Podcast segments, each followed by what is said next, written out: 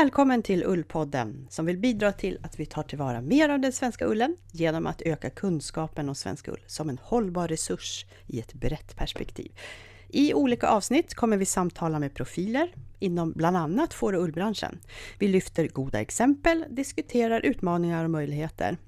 Vi vill sprida kunskap och inspiration som på sikt ökar din kunskap om ull, men vi vill också uppmuntra till innovationer och produktutveckling där man kan ta tillvara den svenska ullen. Vi som gör podden heter Fia Söderberg och Malin Öglan. Avsnitten hittar du på www.ullformedlingen.se och du kan också följa vår Facebook-sida Ullpodden. Varmt välkommen!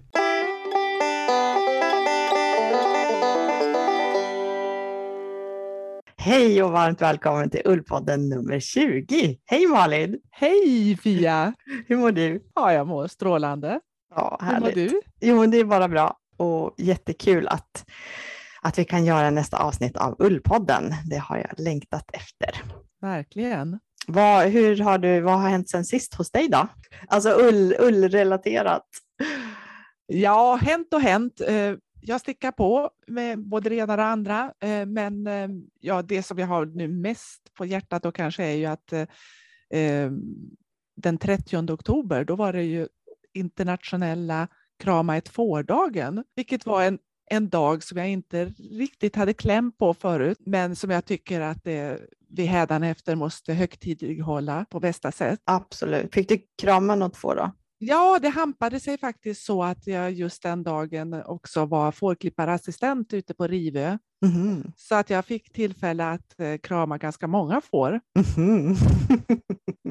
så det var härligt. Vad kul. Det är lite grann som en dans mellan mig och, och fårklipparen Anna, tycker mm. jag. För att vi liksom, hon klipper och jag liksom, uh, dansar runt henne liksom så för att fånga upp uh, ullen. Då. Och igår så stod vi ute också och det blåste rätt bra så att det gällde verkligen att vara på tårna på det sättet. Ja, så, så är det roligt också när det är då mitt i, liksom, i hagen då, för då kommer ju liksom ganska många andra får också och kollar in läget och så mm. och vill vara med. Mm. Ibland så är de ju lite kittliga eller lite oroliga. De mm. står där i klippstolen. Mm. Fåren, så då får man ju stå liksom och klappa lite och krama lite och klia lite och så där. Just det, alltså hon klipper i klippstol. Ja. Mm. Men vad intressant att du beskriver som en dans ändå, för det brukar man ju ofta prata om, de som klipper enligt den här metoden, ja, jag tror de kallar det för tally-ho, när de sitter på rumpan. Ja. Att det verkligen är som en dans, eftersom mm. fårklipparen har ett exakt schema hur och var hen sätter fötterna och mm. liksom håller i fåret. Och det är exakt samma schema vid varje klippning och att det faktiskt man kan faktiskt se det som en dans, har jag tänkt på. Och det är många som beskriver det. Ja, det är många ja. som beskriver det som en dans också. Att det är liksom ett samarbete mellan fåret och klippan. Så det är spännande att du säger så. Även i, när man klipper i en klippstol så blir det som en dans mellan ja. dig och klippan. Då. Ja. Ja, ja, vad roligt. Alltså jag tänker på den här tv-serien som gick Bastubaletten, tror jag det var. Där, där, där var det en koreograf som gjorde en, en ballett utifrån personer som satt och bastade ofta. Så. Ja. Och, det var också, och deras livshistorier och sånt. Det var en jättefin eh, tv-serie så att eh, man kanske skulle ta kontakt med någon koreograf. Ja, men absolut. Det här. Ja. Vad roligt. Det skulle ja. vara väldigt kul. Sorterar du ullen samtidigt då som du hjälper till, att du grovsorterar? Och... Ja, det gör jag. Men vi pratade just om det att Alltså vi är, att vi är för okunniga med att veta, ja men är det här bra eller är det här, vad är det som räknas? Vad kan vi ta tillvara på? Så, där? så vi, vi, borde, vi borde bli bättre på det. Men jag försöker mm. ju, det är det som är mitt främsta, liksom, mm. ja, att vara där runt omkring eh, och, och liksom ta rätt på den ullen som vi nu ska skicka mm. iväg. Då, ja, ni skickar till garn eller? Mm. Ja, precis. Ja, men vad spännande. Den här, mm. Jag måste fråga bara den här internationella krama ett får-dagen. Mm. Eh, var hörde du talas om det? Var den här europeiska nystartade e, EVA? Ja, ja just det. Eh, European Wool Association.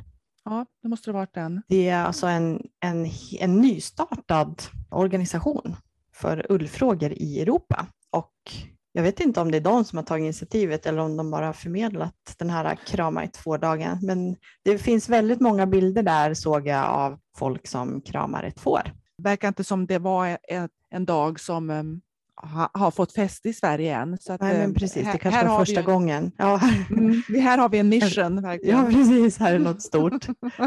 Och jag vet inte, det kanske är för sent att krama får idag då, eller i så jag tycker man kan ju eh, krama en får varje dag förstås. Men, men... Ja, precis. En annan rolig kampanj som jag såg upptäckt idag, det kanske du känner till, det är en kampanj som kallas för Wovember. Ja, just det, jag såg det. Det var, ja. det var roligt. Mellan första och sista november så pågår en kampanj på Instagram där man, om man postar ett inlägg per dag Eh, där man får chansen då att beskriva fördelarna med ull och sprida kunskap på olika sätt. Har man, ja, man har möjlighet att vinna lite priser och sådär. Och jag, har inte riktigt koll på vem det är som har tagit initiativet. Det är en kul idé. Jag tänker att vi ska gå in i det där. Ja, precis. Det är som en eh, typ stilutmaning så där att varje dag att man lägger ut något eh, inlägg kopplat till någon viss aspekt eh, kring ull. Precis, det finns som ett schema med olika teman då för varje dag. Mm. För att det är en otroligt fin kampanj för ullen, tänker jag. Ja. Så kolla in det. Du har ju sjösatt den här eh, Baltic Wool Conference nu. Yes. Och kan du inte berätta lite? Ja, det jag vet, det var ju flera dagar, men lite, några liksom nedslag. Ja, nej, men det var ju en digital konferens som sändes från Gotland, så vi i projektteamet var på plats på Gotland tillsammans med några eh, parter som ifrån Estland och Polen, så ett litet gäng det var ju väldigt spännande. Det blev ju nästan 80 deltagare från 15 olika länder. Tack vare då att det är digitalt så, så kan man ju delta från Nya Zeeland, Australien, lika väl som Sverige. Eh, de mm. flesta föreläsarna var ju svenskar, skulle jag nog påstå. Men sen hade vi då keynote speakers Dalena White som är generalsekreterare i IVTO, som vi har pratat om tidigare. Mm och även Tone Skårdal Tobiasson från Norge. Då.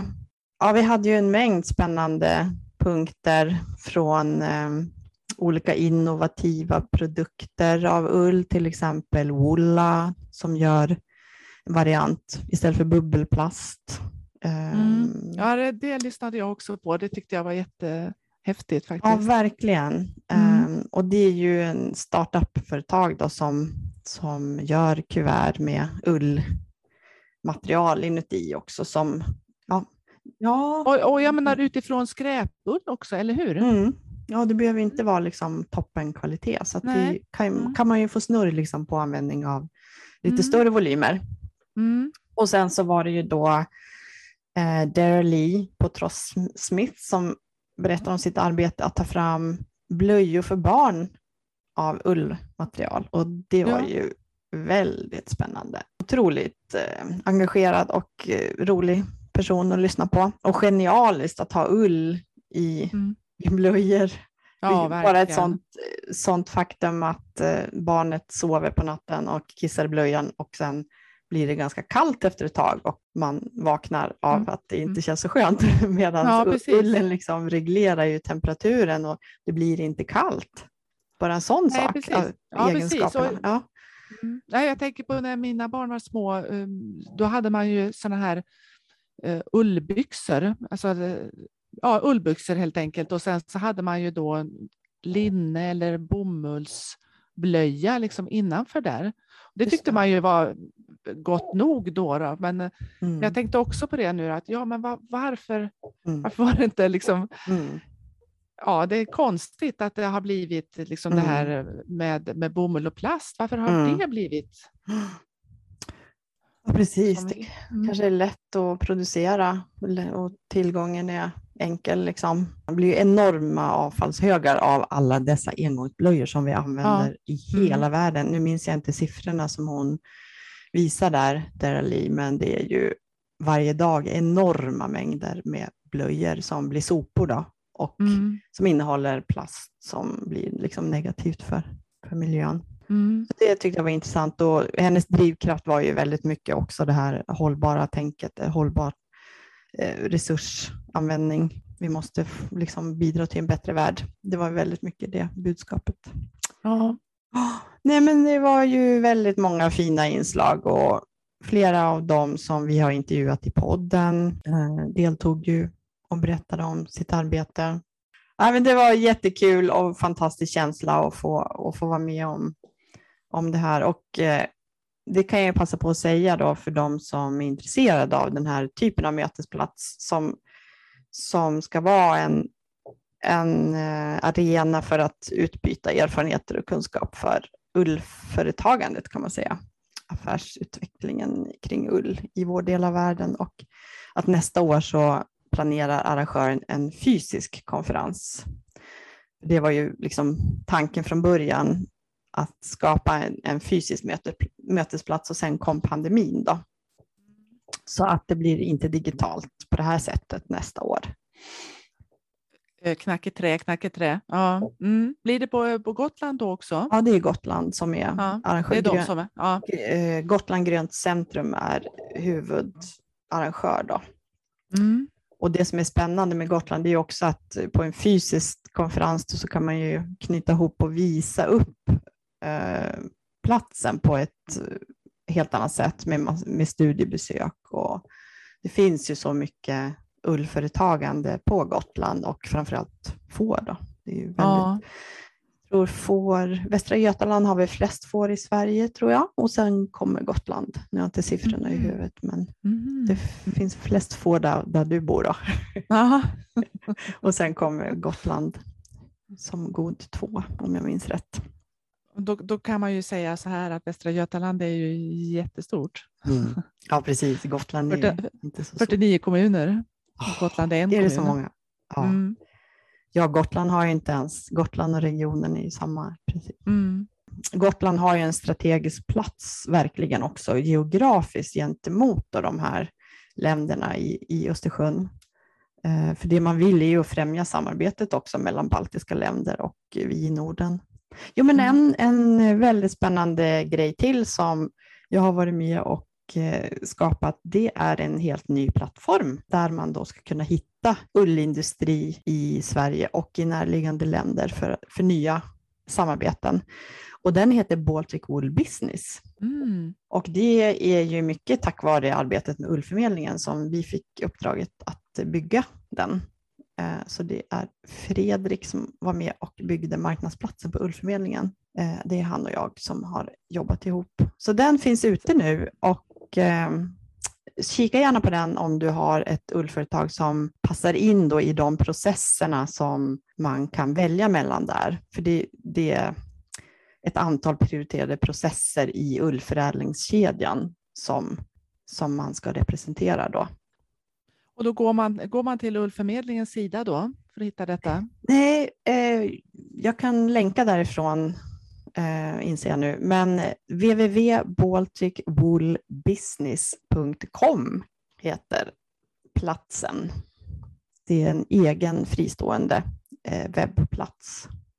Mm. Och det är samma där man kan söka via karta eller via olika processer eller ett företagsnamn också. Så det ligger några företag där som de börjar ramla in, så att gå gärna in och kika och sprid mm. här gärna om du känner folk som driver företag som skulle behöva finnas där. Jo, men det är ju Fredrik Lindqvist då, från Coeda Studio, heter hans företag numera, som har eh, byggt själva plattformen. Och han är också en av dem som byggde marknadsplatsen på Ullförmedlingen. Ja. Mm. Ja, men en annan sak som är högaktuell, det är ju att eh, någon där ute har nominerat Ullförmedlingen till ett pris som heter Utstickarpriset som Polarbröd ger ut varje år. Eh, ett slags hållbarhetspris till någon som de tycker har gjort ett modigt och eh, bra jobb för eh, hållbarhetsfrågor på något sätt. Och det är ju väldigt överraskande måste jag säga. Ja, det är jätteroligt verkligen. Ja. Det är ju jättespännande. Torsdag den 4 november så får vi veta vem det är som av oss tre som är nominerade i finalen. Mm eh, vem det är av oss som vinner. Mm. Ja, precis. Och de andra finalisterna är ju väldigt etablerade inom forskning. Och, så det, det är väldigt speciellt att just ullförmedlingen då eh, finns med. Men temat för i år är samverkan och medskapande och då, då är det då någon som tycker att, att ullförmedlingen då jobbar just mycket med det, att föra ihop människor, att få köpare av ull och hitta de som säljer ull och, och att, vi, att vi har ett stort nätverk eh, i Sverige framför allt som, som är värdefullt. Word. Vi får se hur det går. Bara att vara där och eh, få vara med i final är ju fantastiskt roligt. Verkligen. Så vi får se. Vi rapporterar. Äntligen gala. Polarpriset hette det va? Jag hade också tänkt säga att, eh, att vi kommer starta ett utvecklingsarbete för ullförmedlingen och ta fram ett par digitala onlinekurser till exempel. Och vi vill gärna veta vilka behov som finns kring detta. Så om du är företagare till exempel så finns det en enkät ute nu på ullförmedlingen.se, ullformedlingen.se och på Facebook-sidan. Så toppen om du vill fylla i den så vi får höra vilka, eh, vilka behov av kunskap och annat du har. Och är du privatperson så vill vi också förstås höra om dina behov så att det kommer en enkät om det också. Så håll gärna utkik på hemsidan.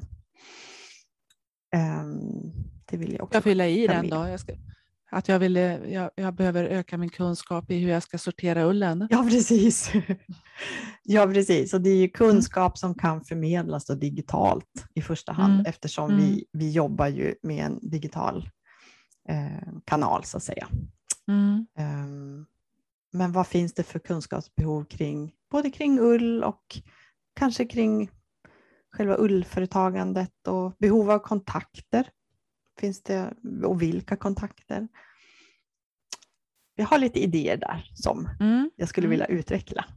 Mm. Kul. Ja. Bra. Och i det här avsnittet då, vad händer i avsnitt 20 Malin? Ja, jag har äh, träffat äh, Aspergerkemisten mm. Eva-Lena Blomqvist. Mm. Och äh, vi pratar lite grann om ulltvätt. Mm. Och jag har intervjuat Gunilla Granström på Bollnäs väveri mm. också, så vi får höra lite om det. Vad spännande. Mm. Det har jag undrat hur, hur det väveriet, vad som händer där. Vad roligt. Ja, bland annat så är det ju de som vävde, vävde tyget till Lisa Bergstrand, A New Sweden, Findor, mm. Jacket. Ja, roligt. Då tycker jag vi lyssnar på henne. Ja. Ja.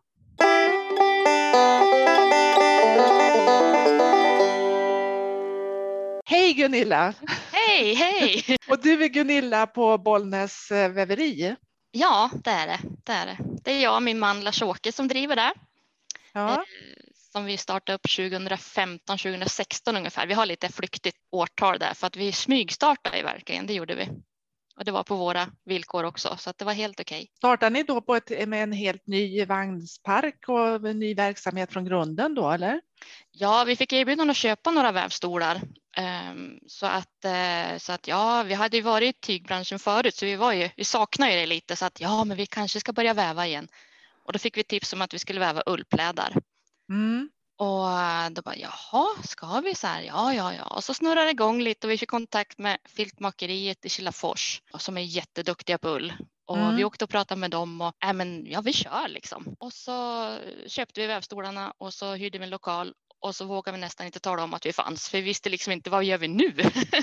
Eh, så så började det faktiskt. Ja, och det här som du sa att eh, um kan du berätta lite om liksom vävprocessen? Och väva ullplädar är ju lite speciellt för att det måste ju vara en viss sorts ullgarn. Det går inte med vilket ull som helst. Eftersom det nu är ullnördar ja, här. Ja, precis. vad, vad, vad, är det för speciellt med just det garnet då? Just precis kan jag inte det, men det ska ju ja. både vara starkt och det ska ju kunna lyfta i beredningen för att få det här fluffet. Och det ska ju liksom vara mjukt och smidigt och så. Mm. Så att just ullblandningen där, det kan jag inte det receptet för att det är ju visst recept för att få ett perfekt ull, garn till Mm. plädar just. De spinnerierna som gör plädgarn, de har nog sitt eget lilla recept har jag förstått. När du sa så här då att då, då väver vi dem då, vi har vävstolar för det. Ska det vara några speciella vävstolar för kläder eller är det? Det är väl en standardvävstol. Vissa vävstolar där väver man ju utan stadkant och då blir det som en, man, man binder det liksom så att det inte det åker ut bara. Och då måste man ju langettsy sen då. Mm. Och sen finns det den här gamla sorten som en, liknar en handvävstol och där är det ju vävda stadkanter och då behöver man inte langettsy kanterna. Så att vi har ju båda delarna utav vävstolar då, både för langettsy och en stadkant. Och de är elektriska då antar jag förstås? Ja, eller? ja. Ja, där är de. Där är de. Och var får man tag i sådana här vävstolar då? De här fick vi köpa ifrån eh, ja, vad ska jag säga, Textilhögskolan när de flyttade faktiskt. Mm. Eh, Så flyttade de ut i mindre lokaler och då fick de inte plats med alla vävstolar så då köpte vi dem därifrån. Ja, Mm. jag är ju i Borås nu. Ja, du ser. Ja. Ja, då är det de nya lokalerna där ja. ja. ja. Och så någon har vi faktiskt fått köpa från Växtbolin också ska jag säga. Men är det så att eh, det, det är liksom man köper i andra hand eller är det Ja. nytillverkning? Nej, Och- nej, det är gamla vävstolar. Mm. De är väl eh, från 70-talet Mm. Okej, så först så, så väver man Mm. eh, och, och sen så bereder man sa du? Ja, det gör vi också. Det gör vi sedan, eh, nu ska vi se, 2017, 2018. Eh, vi skickar ju våra vävar också upp till Skellefteå för beredning till Svensk Ull, det företaget Mm. Mm. Eh, som drevs av Therese Marklund då. Och så hade vi ett jättebra samarbete. Hon lärde oss jättemycket och hur vi skulle tänka på med täthet och bindningar och ullkvalitet. Men sen efter ett tag sa hon, nej men nu kan ni köpa de här, vävs- nej, de här beredningsverken för att nu ska jag göra någonting annat. Och då sa jag bara, nej, sa vi, vi har inte tid och nej, fortsätt du. Det här blir jättebra. Nej, nej, nej, jag ska göra något annat. Och då sa vi så här, ja men vi måste ju bereda våra plädar. Och vad händer nu? Ja, nej men vi åkte upp och tittade så att ja, vi måste ju köpa de här maskinerna. Så då plockade vi hem dem och då sa hon att ja, men då kommer det ju ingå att du får bereda åt väv, vävkunder också privata. Nej, det gör jag inte, sa jag, för att det törs jag inte. Jo, men då kom, det måste du fortsätta med. Och då tänkte jag för mig själv, men jag sa det inte, men det bestämmer väl jag själv om jag köper de här, tänkte jag. och det pratade vi om på bilen, bilresan hem också när vi hade bestämt oss att nej, vi kommer bara bereda åt oss själva. Och sen gick allt det där så fort så att hon skulle tömma lokalen och skicka ner maskinerna eller min man stack upp och plockade isär dem och fyllde en tradare med grejer och körde hem det, stuva in det i vår lilla lokal och så stack han på sitt vanliga jobb och så lämnade han mig med alla grejer där. Bara, Åh, hur blir det här då? Och så lovade ju Therese att de skulle komma ner och hjälpa oss och, och köra igång. Och så sa hon att, ehm, att eh, ja, ja, men förbered det, förbered det så blir det bra. Men vi hann ju inte prata om att jag skulle ju inte bereda åt någon privatkunder. Det hade jag ju liksom bestämt mig inom mig. Men Mm. det hade ju inte jag hunnit tala om för Therese. Nej. Att Hon la ju ut på sociala medier när maskinerna åkte och att ja tack alla gamla, ny, gamla kunder och fortsätt skicka nu till Bollnäs den och den adressen. Det går jättebra. Och jag bara nej. Så, och tur var väl det, för det var, det liksom, ja, det var riktigt meningen så det, det är jättekul faktiskt. Ja. Där, och därifrån lär vi oss jättemycket när det kommer privata plädar som skickas till oss för beredning. För där ser man så olika resultat Aha. efter beredningen. Mm. Mhm. Så det, det är också förstås då en, en konst i sig då att, att bereda. Ja, det är det ju. Eh, Men resultatet utav en beredd pläd beror ju mycket på vilket garn man använder först och främst och sen hur det är vävt och vilken bindning och Mm. täthet. Då. Kan du förklara vad det här är? Alltså beredning vad, och, Eller först när pläden kommer till oss, det kan vara allt från en 2 meters längd till en 25 meters längds pläd som kommer från en vävstuga. Och då mäter vi in bredd och längd och kvalitet kollar man av också. Så sorterar man in det i, på hyllorna och märker och skriver upp det på pappret på följesedeln. Och sen parar man ihop eh, med kvaliteter och bredd. För bredden får inte skilja mer än typ 5 centimeter för att kunna sy ihop. Mhm. För att jag behöver en längd på minst 23 meter och max 30 för att det ska gå runt i maskinen. Mhm. Ofta så syr jag ihop längder, kanske två, tre, fyra stycken längder. Då när man syr ihop det och så stoppar man ner och så tvättar man det i ett, gra- ett vatten som inte får överstiga 23 grader eftersom det är ull då. Mm. Och så är det som en stor mellan stenvalsa liksom som snurrar runt i vattnet. Eller som, ja, det, man får se, vad ser du, går ner i ett vattenbad och så går det runt, pressas ut liksom mellan två stenvalsar. Så kör man där i kanske 7-8 minuter. vi står och jobbar med väven hela tiden för att känna liksom att, det, att det händer någonting med den, att den börjar binda ihop, lås, liksom, vad ska jag säga, där trådarna går över, där bindningen är, liksom att den börjar sätta sig lite. När det är klart så tar man ur det och stoppar in i en centrifug, som man centrifugerar ur vattnet bara. Mm. Och sen så kör man in det i ruggmaskinen. Och våran rugg har vi naturkardborrar. Mm. Då kör man det tre gånger på vardera sidan oftast och då ställer man ju liksom trycket med väven mot kardborrarna beroende på hur väven reagerar. Mm. Um, så det får man ju se lite hur den, ja, det är lite en balansgång och se hur den, hur den borstar sig liksom. Och där ser man ju resultaten när man sytt ihop tre olika vävar. De kan ju se likadana ut, men resultatet är helt annorlunda när man tar ur dem mm. beroende på hur, vilket sorts ullgarn de använt. Då. Mm. Och då beror det vilken ullblandning det har varit i garnet. Ja. Så att många, många gånger så önskar man ju att många kunde stå där och se skillnaden på den pläden från den personen till den väven och den personen. För det, det, ja. det blir en väldig skillnad. Mm. Är det alltid 100 eh, ull eller från privatkunderna kan det vara lite blandat också? Det kan det ju vara, men vi säger att vi tar ju bara emot 100% ull. Mm. Om det skulle vara något annat inblandat, då måste vi kanske köra på ett annat sätt. Mm. Och då blir det ju påverkat. Då.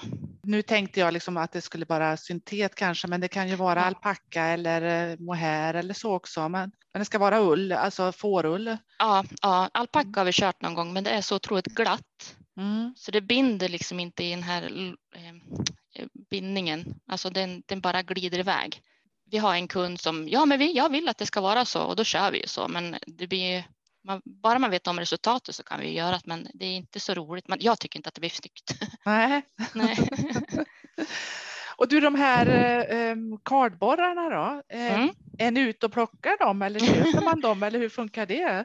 De odlas eh, i Italien eller Spanien för industriellt. Mm -hmm. mm, så det får vi beställa därifrån. Så att vi byter ungefär tio sådana här kardborrar efter varje körning och sätter dit nya. Så att det är ett litet picker det att göra. Ja. Och montera, ta bort och, för att har man en trasig kardborre då är det ju järngrejer som håller fast det. Så blir de synliga och körs mot pläden, då går ju pläden sönder. Så att det är väldigt viktigt att man kollar över de där kardborrarna. För det vill jag, man inte. Jag var på en hemsida, jag såg att det fanns ett sådant beredningsföretag också i södra Sverige, Skåne någonstans. Utanför, ja, ja Vävhalla. Ja, ja, just det, Vävhalla, precis så ja. jag. Och, och de hade ju också de här um, naturkardborrarna. Ja. Är det det som man har? Det finns även med stålborst. Jag tror det är lite nyare variant då. Men Vävhalla och vi, vi har kardborrar vi. Så det är inte ovanligt, alltså om man skulle fråga runt om i världen så, så kör man fortfarande med, med detta? Jag vet inte hur, alltså det är någonting som är på väg att fasas ut tror jag. Jag tror mm. inte att det är så optimalt eh, kostnadseffektivt tror jag inte att det är. Så det större företag tror jag inte kör med kardborrar, min personliga Nej. tanke. Ja, så blir man ju jättenyfiken och frågar Klippan här till exempel ja. hur de gör. Ja, det vet jag faktiskt inte hur de gör. Den, eh, jag tror den här maskinen kommer från Klippans fabrik från början tror jag som vi har. Mm. Mm. Så var den upp till Morjärv och, och sen hamnar den i Skellefteå och sen hamnar den hos oss. Mm. Så att, jag ska väl säga också att nu när vi, sen vi började med beredningen så har ju vävningen gått lite åt sidan. Eh, för att vi breder ju jättemycket. Vi breder kanske 80 procent av eh, vår omsättning nu. Jaha. Att, eh, mm. ja, eh, och då är det från olika företag och eh, privatkunder och sånt som vill ha som redan bara, har vävt? Ja, bara privatkunder ska jag säga. Okej. Okay. Ja, mm. ja, så det vävs otroligt mycket plädar i Sverige. Det gör ja. det. Mm. Ja, det gör det. Jag har liksom fått en sån känsla att det är det nya nu, alltså nästa steg. Att folk har lärt sig liksom att, att sticka sticka, eller man ska säga det kanske man kunde för, förut, men så har man börjat spinna och så har man liksom ja. stickat och sitt spinna, spunna mm. garn. Men mm. sen, det, jag tycker det verkar som, ja, helt mm. ovetenskapligt då med spaning på sociala medier då, att, mm. att det verkar som de, nästa steg är att folk väver då också. Mm. Jag hoppas kan, det. Mm. Hoppas verkligen det. Om vi ska prata ull och garn så vill vi gärna ha ett plädgarn nu då när alla ja, jag brukar säga det att ett stickgarn kan man ju liksom sticka med. Det kan man ju nästan kanske ta vilket garn som helst och sticka. Men mm. just, om man just ska väva plädar så behövs det ju visst plädgarn. Mm. För att det går inte, om man vill ha det resultatet att man ska rugga upp det.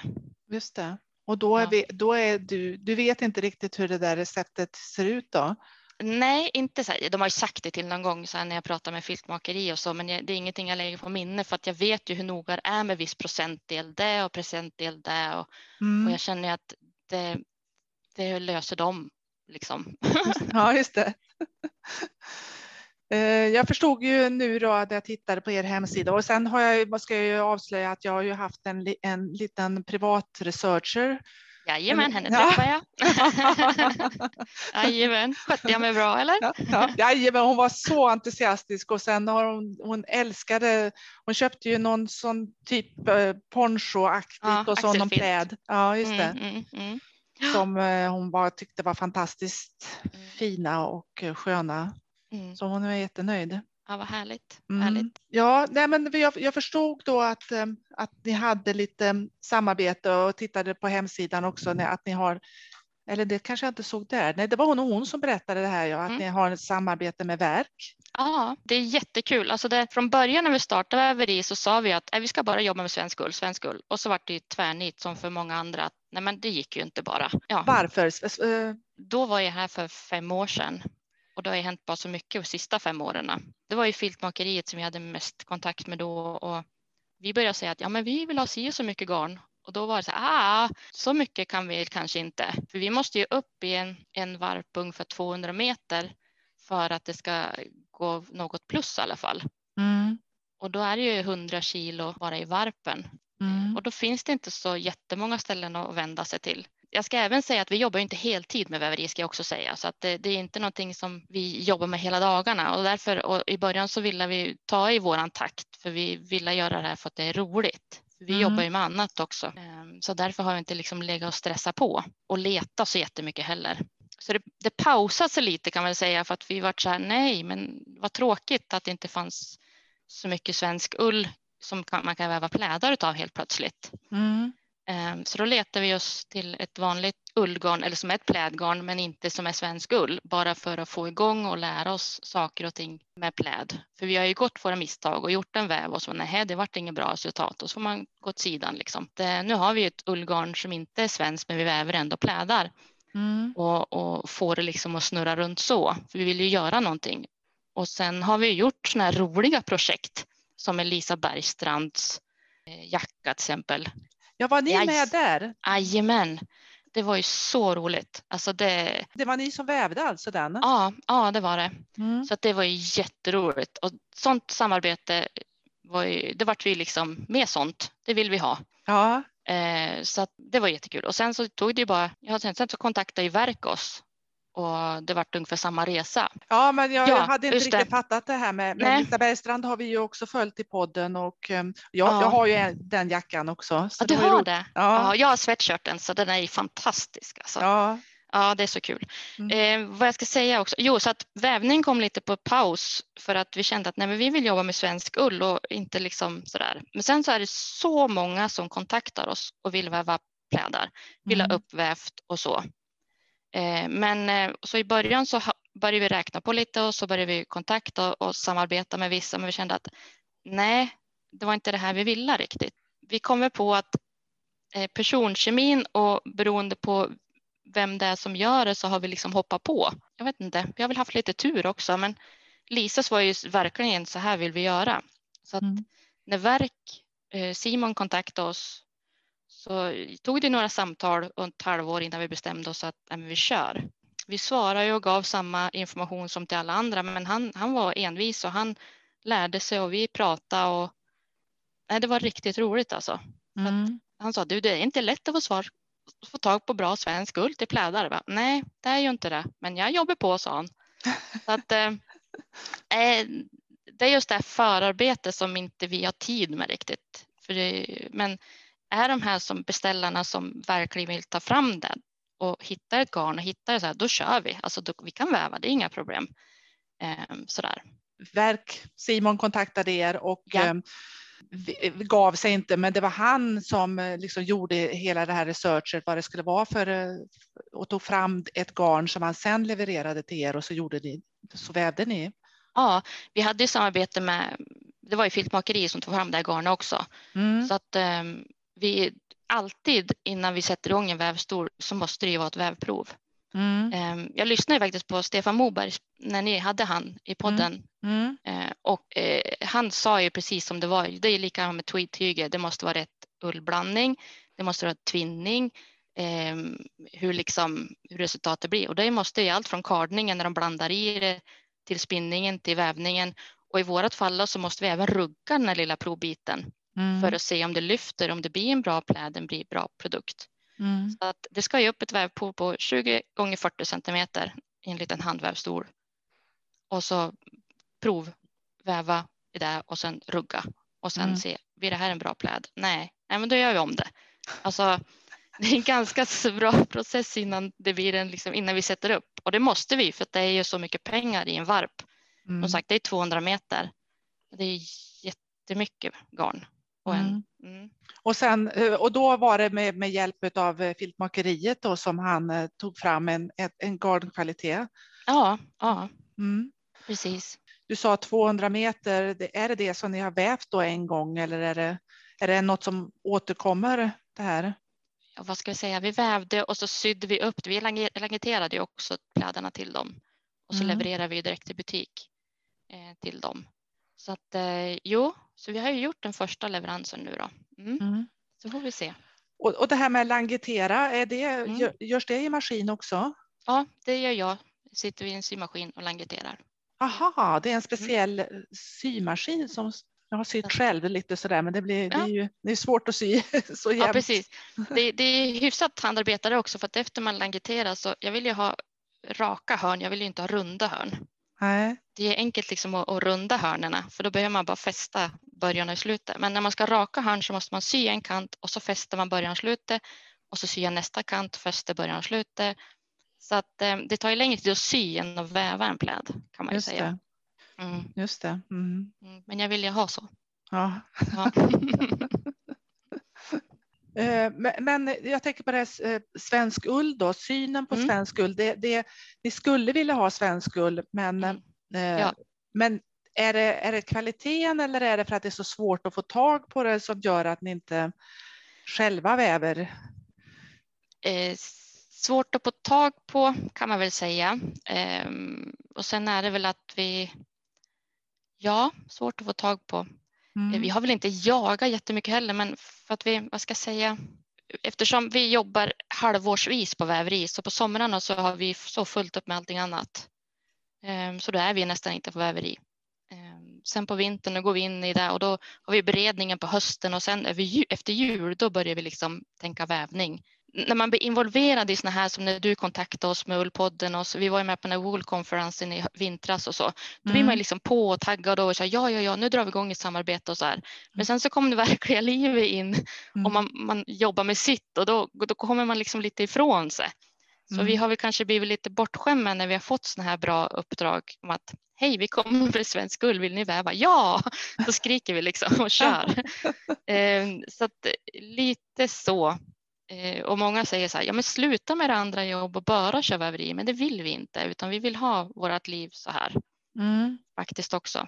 För vi har ju får hemma, vi hade ju dem före innan vi började med väveriet. Mm. Eh, och det, men det är en köttras.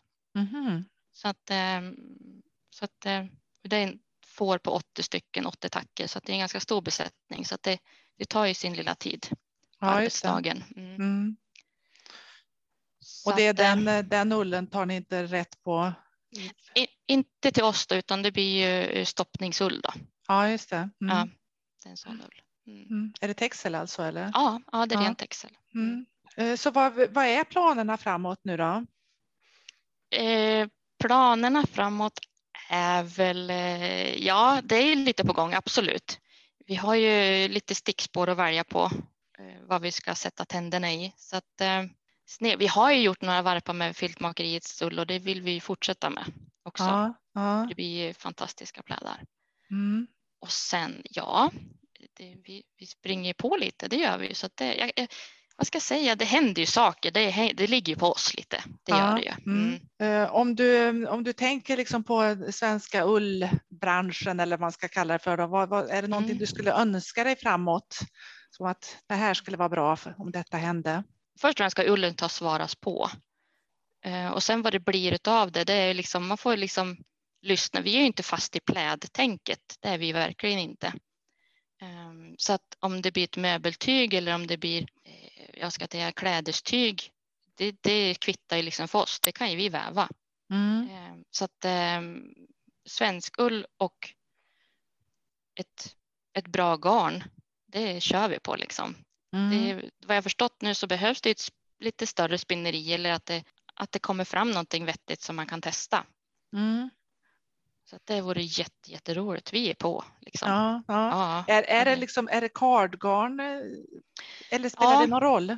Nej, det spelar ingen roll. Det beror på vad vi ska väva för någonting. Om vi ska väva ett snyggt möbeltyg, då är det väl kamgarn nästan då som ska Mm. vara. Mm. Nej då, vi har vävstolar som passar så det kan vi köra på. Ja, Okej, och så, kan ni göra mattor också eller? Ja, det ska Mm. vi kunna göra. Man får gärna komma och hälsa på oss. Mm. Och få, Mm. få mer förståelse liksom vad som händer och, just med beredningen och, och så. Jag, jag, jag, jag känner bara att vi, vi är för dåligt engagerade känner jag ibland när det gäller att ta fram saker. Därför blir vi så glada när vi får några samarbetspartners som vi gärna vill jobba med och Ja. då kör vi på där. Mm, Mm. Så är det. Mm. Ja, men Ja tusen då. tack. Tack så Ja. mycket och ni, vilket bra jobb ni gör, verkligen. Ja, Eh, roligt. Ja, vad kul. Ha det bra. Detsamma. Ja, Hej då. tack. Hej hej.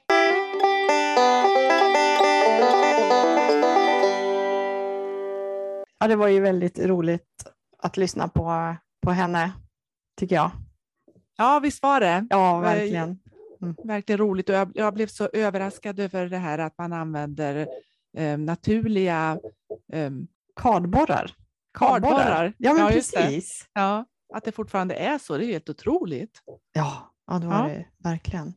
Jo, men sen tyckte jag också att det är roligt det här med plädar och filtar och att det kanske liksom är som du säger det här nya, att det, det är liksom nästa stora grej och att det verkar ju vara väldigt, väldigt många som, som vill göra filtar av kanske eget garn eller andras och även då ullföretag som är väldigt på hugget. Just att filten är en produkt som ligger väldigt mycket i tiden. Ja. Ja, och att det, just det här att man, man lönbereder, eller hur det, vad det kallas för, alltså att man eh, bereder eh, plädar och så på beställning. Mm. Det är också, det är ju också ett tecken på att det, det sitter eh, fullt med folk hemma och väver hemma. Och att, eh, ja, men eh, jag tror att det var för tio år sedan man sa att eh, ja, ingen väver längre och Mm. Just det. det är ett utdöende hantverk. Nej, det är Nej, det inte. verkligen inte. Nej. Det är stort. Det var så Mm. roligt när hon beskrev att hon blev lite överrumplad där hon fick ta över företaget och hon också fick ta över eh, den här, vad det, om det kallas för lönberedning Ja, mot privatpersoner då, för det var, Ja. det var hon inte riktigt inne på och sen var hon tvungen att, ja. att anpassa sig det ganska hastigt, men det blev ju bra till slut. Det var väldigt roligt hennes beskrivning. Ja. Ja, det var väldigt kul att lyssna på Gunilla. Hon eh, utstrålar mycket energi och framåtanda. Det tyckte jag var väldigt kul. Så tusen tack för det. Jo, jag hade kontakt med, med Gunilla sen i, i, i mejl efterledes, därför att jag hade frågat henne under intervjun om det var någonting eh, som hon ville tillägga, Mm. eh, eller liksom något som jag hade glömt att fråga om eller så. Då, då hade hon inget speciellt, men det, det hon har kommit på sen i efterhand, det är att hon, hon tycker att det är viktigt att man försöker vara öppen med sin kunskap och si, på sitt område. Mhm. Eh, och, att, så att, och verkligen dela med sig, annars så förlorar vi så mycket tid på att göra Mm. fel Ja, och, och, och kunskapen hinner försvinna. åh, vilken bra poäng. Mm, Mm. verkligen. Mycket bra. Mycket bra. Du vin, Mm. Vi vinner mer på att vara öppna och samarbeta än att hålla på våra, våran kunskap som vi förvärvar. Ja, precis. Det är ett stort Och kunskapsbygge som vi behöver göra. Mm. Ja, och jag tänker att det, är det, det här beskriver ju både eh, Gunilla och eh, Adele i förra avsnittet Mm. där med att, att ta över en verksamhet liksom Mhm. som, och en massa kunskap, alltså hur man, hur man gör. Mm. Det är ju, Det, för dem har det ju varit eh, avgörande då att de har fått hjälp från andra som har kunnat berätta. Så det är verkligen... Ja. Och det känns som att det finns en väldig generositet också i, eh, i branschen. Att man, man vill liksom säkerställa att det, eh, att det går vidare, kunskapen ja. i utvecklingen så att säga. Det var ju, ja men vad, vad fint. Mm. Tack Gunilla, toppen. Ja,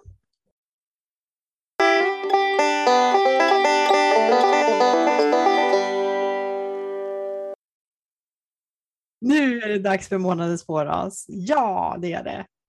Det är Dorset-fåret. Kul! Eftersom Dorset har kommit så mycket mm. framöver, eh, nu, nu på sistone, ullen från Dorset. Mm. Så det ska och, bli kul att höra. Ja, precis. Och särskilt i en, ofta en korsningsmix mellan svensk finull och Dorset. Ja. Dorset är en gammal engelsk fårras och den har då importerats till, till Sverige eh, från framförallt från Danmark och från Nya Zeeland. Men den kommer ursprungligen från, från England och den har också spridit sig eh, en hel del till Australien till exempel. Det är ett köttfår. Den räknas till en grupp av tyngre köttfår. De är väldigt goda, goda avelsdjur. De kan brunsta året om, så det är liksom en bra produktionstacka och har väldigt, väldigt god mjölkavkastning. Så lammen får i sig bra med näring och därför är de också väldigt duktiga eh, mödrar. Lammen växer ganska fort då och det är också därför många som har köttproduktion eh, väljer att ha den här rasen eller korsningar av den här rasen. Men och när man tittar på ullen då så, så är det, det är ett vitt får. Jag kan ju säga lite om statistiken. I Sverige då, så finns det 51 besättningar som har rasen i elitlam som är då avelsregistrerade djur. Sen finns det ju förstås Eh, besättningar det är 51 besättningar, 474 tackor i avel var det 2020 och eh, totalt eh, från de tackorna då så föddes det 856 lamm varav 672 var eh, renrasiga Dorset. Och sen fanns det då 30, 31 baggar som man avlade på inom samma ras och de gav 672 lamm som jag sa nyss. Mm. Men sen så ser man att det finns 52 baggar som används i korsningsavel och de här 52 baggarna har gett 2138 lamm 2020. Så det är en väldigt hög andel som blir korsningslamm. Okej, okay. och är det för ullkvaliteten eller är det för köttproduktionen som man gör den här korsningen? Det är framför allt för köttproduktionen. Ullen mm. har liksom upptäckts senare att nej men oj, vilken fantastisk ull det blev av den här kombinationen. Den här mm. går det ju att göra någonting av. Mm. Inte ullen i sig, men sen har man ju upptäckt att, att ullen kan ha en fantastisk kvalitet. Till exempel användes det ju också i eh, Filippa K-tröjan ja. från eh, Norrbygård och nu då även i, i den här jackan som Lisa Bergstrand har tagit fram. När vi pratar om vissa eh, fåraser så brukar vi kika i den här boken The Field Guide to Fleece som Deborah Robson och Carol Icarius. Och det är en bok på engelska. Och för att komplicera det ytterligare då, så när det handlar om Dorset-fåret så finns det i den här boken då tre olika Dorset-raser. Dorset alltså Down, Dorset Horn och Dorset Poll. Dorset Horn, den har horn och det är inte den vi har i Sverige. Jag tror att det är Dorset Poll som, som är ursprunget till de svenska Dorset. Här står det då att eh, ullen från ett får väger 2 till 4 kilo per får och att längd, stapellängden är 6 till 13 centimeter och att eh, fiber, eh, finleken, eh, diametern är mellan 26 och 33 mikron och att den är vit. Då. Vad säger något mer om ullen? Har du använt ullen från ett Dorset-får någon gång? Inte vad jag vet, måste jag säga. Mer mm. än att jag då har haft det på mig. den tar färg ganska bra, står det här också. Mm. mm. Funkar bra för eh, plädar, står det här. Apropå väveriet. Ja, just det. Men eh, hur är det då med Dorset? har, har Dorset ett fotbollslag? Ja, det är som det här med Hälsingefåret och Gästrikefåret och så vidare. Det är ju, Dorset är ju ett grevskap i England. Eh, och eh, det finns då en, en fotbollsturnering. Dorset, de har en egen liga så att säga, fotboll, fotbollsliga, fotbollsturnering. Så att det, jag skulle väl tro då att eh, Dorset fåret helt enkelt eh, eh, stöttar då det här själva turneringen. Mm. Ja, det får vi utgå från. Ja. Ja, vad bra, men jag har aldrig träffat och kramat ett Dorset-får. Har du det? Nej, jag tror inte det. Inte vad jag vet i alla fall. Nej. Jag tittar på en bild här nu. De ser väldigt ulliga och gulliga ut. Mm. Ja, men som sagt, det är en stor korsningsras i Sverige, så det, det är ju intressant. Mm.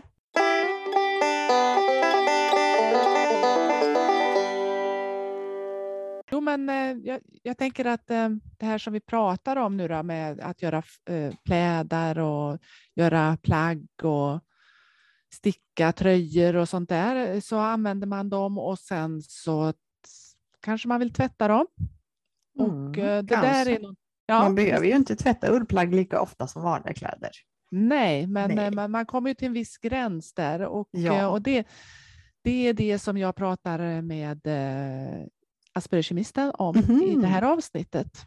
Mm. För det här med eh, enzymfritt tvättmedel som jag undrade med henne om det är det bara liksom något man säger, släng, svänger sig med som. Men är det ulltvättmedel enkelt? Ja, precis. Ja, ja jo. Och, och, och det, det är en, en sån där sak som jag undrat över om det är ja, ligger det någonting bakom det här med att man ska använda, eller vad är det som ligger bakom? Vad betyder det här med enzymfritt mm. tvättmedel? Mm. Så det förklarar hon. Åh, vad spännande. Mm. Då lyssnar vi på det.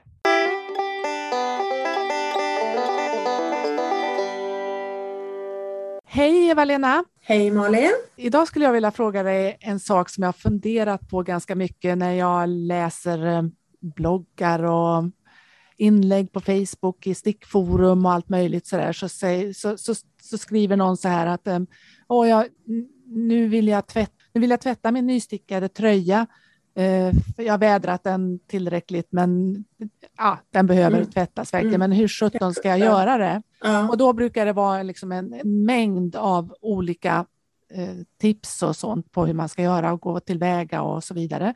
Men det som är genomgående nästan är ju att, att någon säger du ska använda ett enzymfritt tvättmedel. Mm. Ja, då har jag liksom undrat över liksom vad, vad är det här? Varför, varför mm. ska man använda ett enzymfritt tvättmedel mm. och vad, mm. är det ens sant? Eller? Jag tror att det är sant, eh, säger jag som bara har tvättat en ullmössa och förstört den.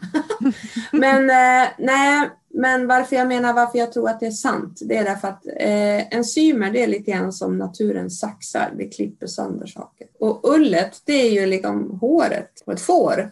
Så det är ganska likt liksom, vårat hår också. Det innehåller massa olika proteiner, keratin bland annat. Och eh, det enzymer gör det är att den klipper i proteiner. Och det är det som är bra. Om du sitter med en bomullsvit skjorta eller något annat sånt och så spiller du ägg eller du spiller mat på det. Och varför man har tillsatt enzymer i tvättmedel då, det är för att det vill ju, de ska ju bryta ner de där fläckarna mm. som du har fått på dina kläder.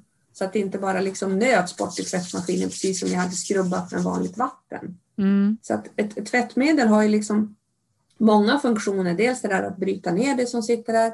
Sen har det lite andra delar i sig så att det ska få vissa saker som är på min, där du vill tvätta att bli vattenlösligt, att det vill lämna och gå ut i vattnet.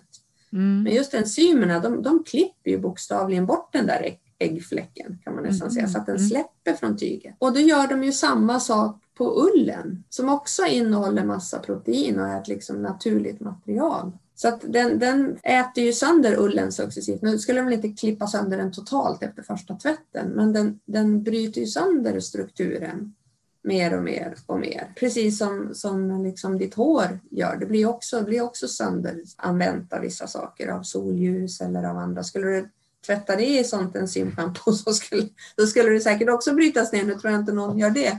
Men, men så att det hänger ihop. Det, det är naturens saxar. Liksom. Det, Just det kortar proteiner. Ja, då förstår jag.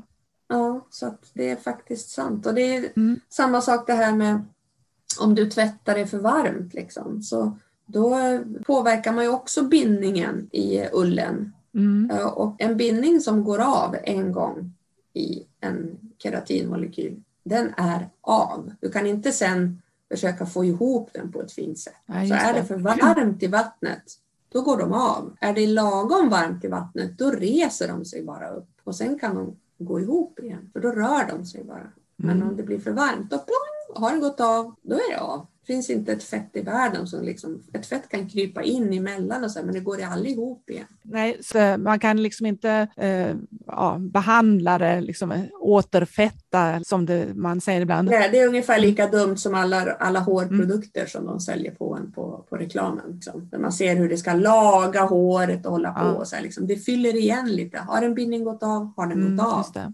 Och skillnaden då med ens eget hår då när man har, om man har gjort någonting så att eh, det är risigt och så, det är ju att det växer ut igen. Men, eh, ha, Det ja, men har man ett garn Ja, eller är- så, så, så är det liksom kört så att säga. Då, då är det det Mm, man har. Liksom. mm. Ja. Ja, Eh, Där, där skulle jag nog, nästa gång jag ska ta hand om min ullprodukt så ska jag inte tvätta den på det sättet jag gjorde.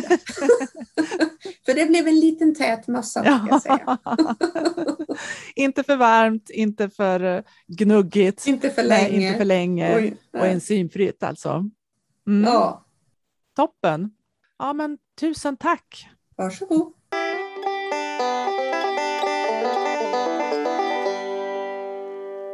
Ja, jag tycker att det var så himla bra eh, beskrivet det här med att eh, enzymerna som är i, i allt annat tvättmedel eller som är i de flesta tvättmedlen, de är ju, är ju de här saxarna då som klipper bort fettfläckar och sånt. Eh, Mm. Och det är därför man inte ska använda det. Men Mm. jag tycker det var så bra beskrivet det här med eh, enzymerna som saxar Mm. och, och varför det då är bra att inte ha enzymer i tvättmedlet som klipper sönder ullfibrerna. Det vill man ju inte. Nej, Ja, alltid lika spännande och intressant att lyssna på Eva-Lena tycker jag. ja, Hon förklarar, förklarar så bra. ja, Mm. det är verkligen toppen. Mm. Men då tycker jag att vi börjar avrunda. Det låter väl som en utmärkt idé. Ja, och tack alla för att ni har lyssnat på Ullpodden. Vi planerar att komma tillbaka med ett sista avsnitt under året före jul. Ett sista avsnitt för året, ja, men inte Mm. ett sista avsnitt för Ullpodden. Nej, nej, Ah, nej, nej, nej. nej. Tack för idag! Ha det så bra allihopa. Hej! Ha det gött, hej då! Hej! Avsnitten hittar du på www.ullformedlingen.se och du kan också följa vår Facebook-sida Ullpodden där vi publicerar länkar och bilder som anknyter till det som vi har pratat om. Ha det så bra, hej då!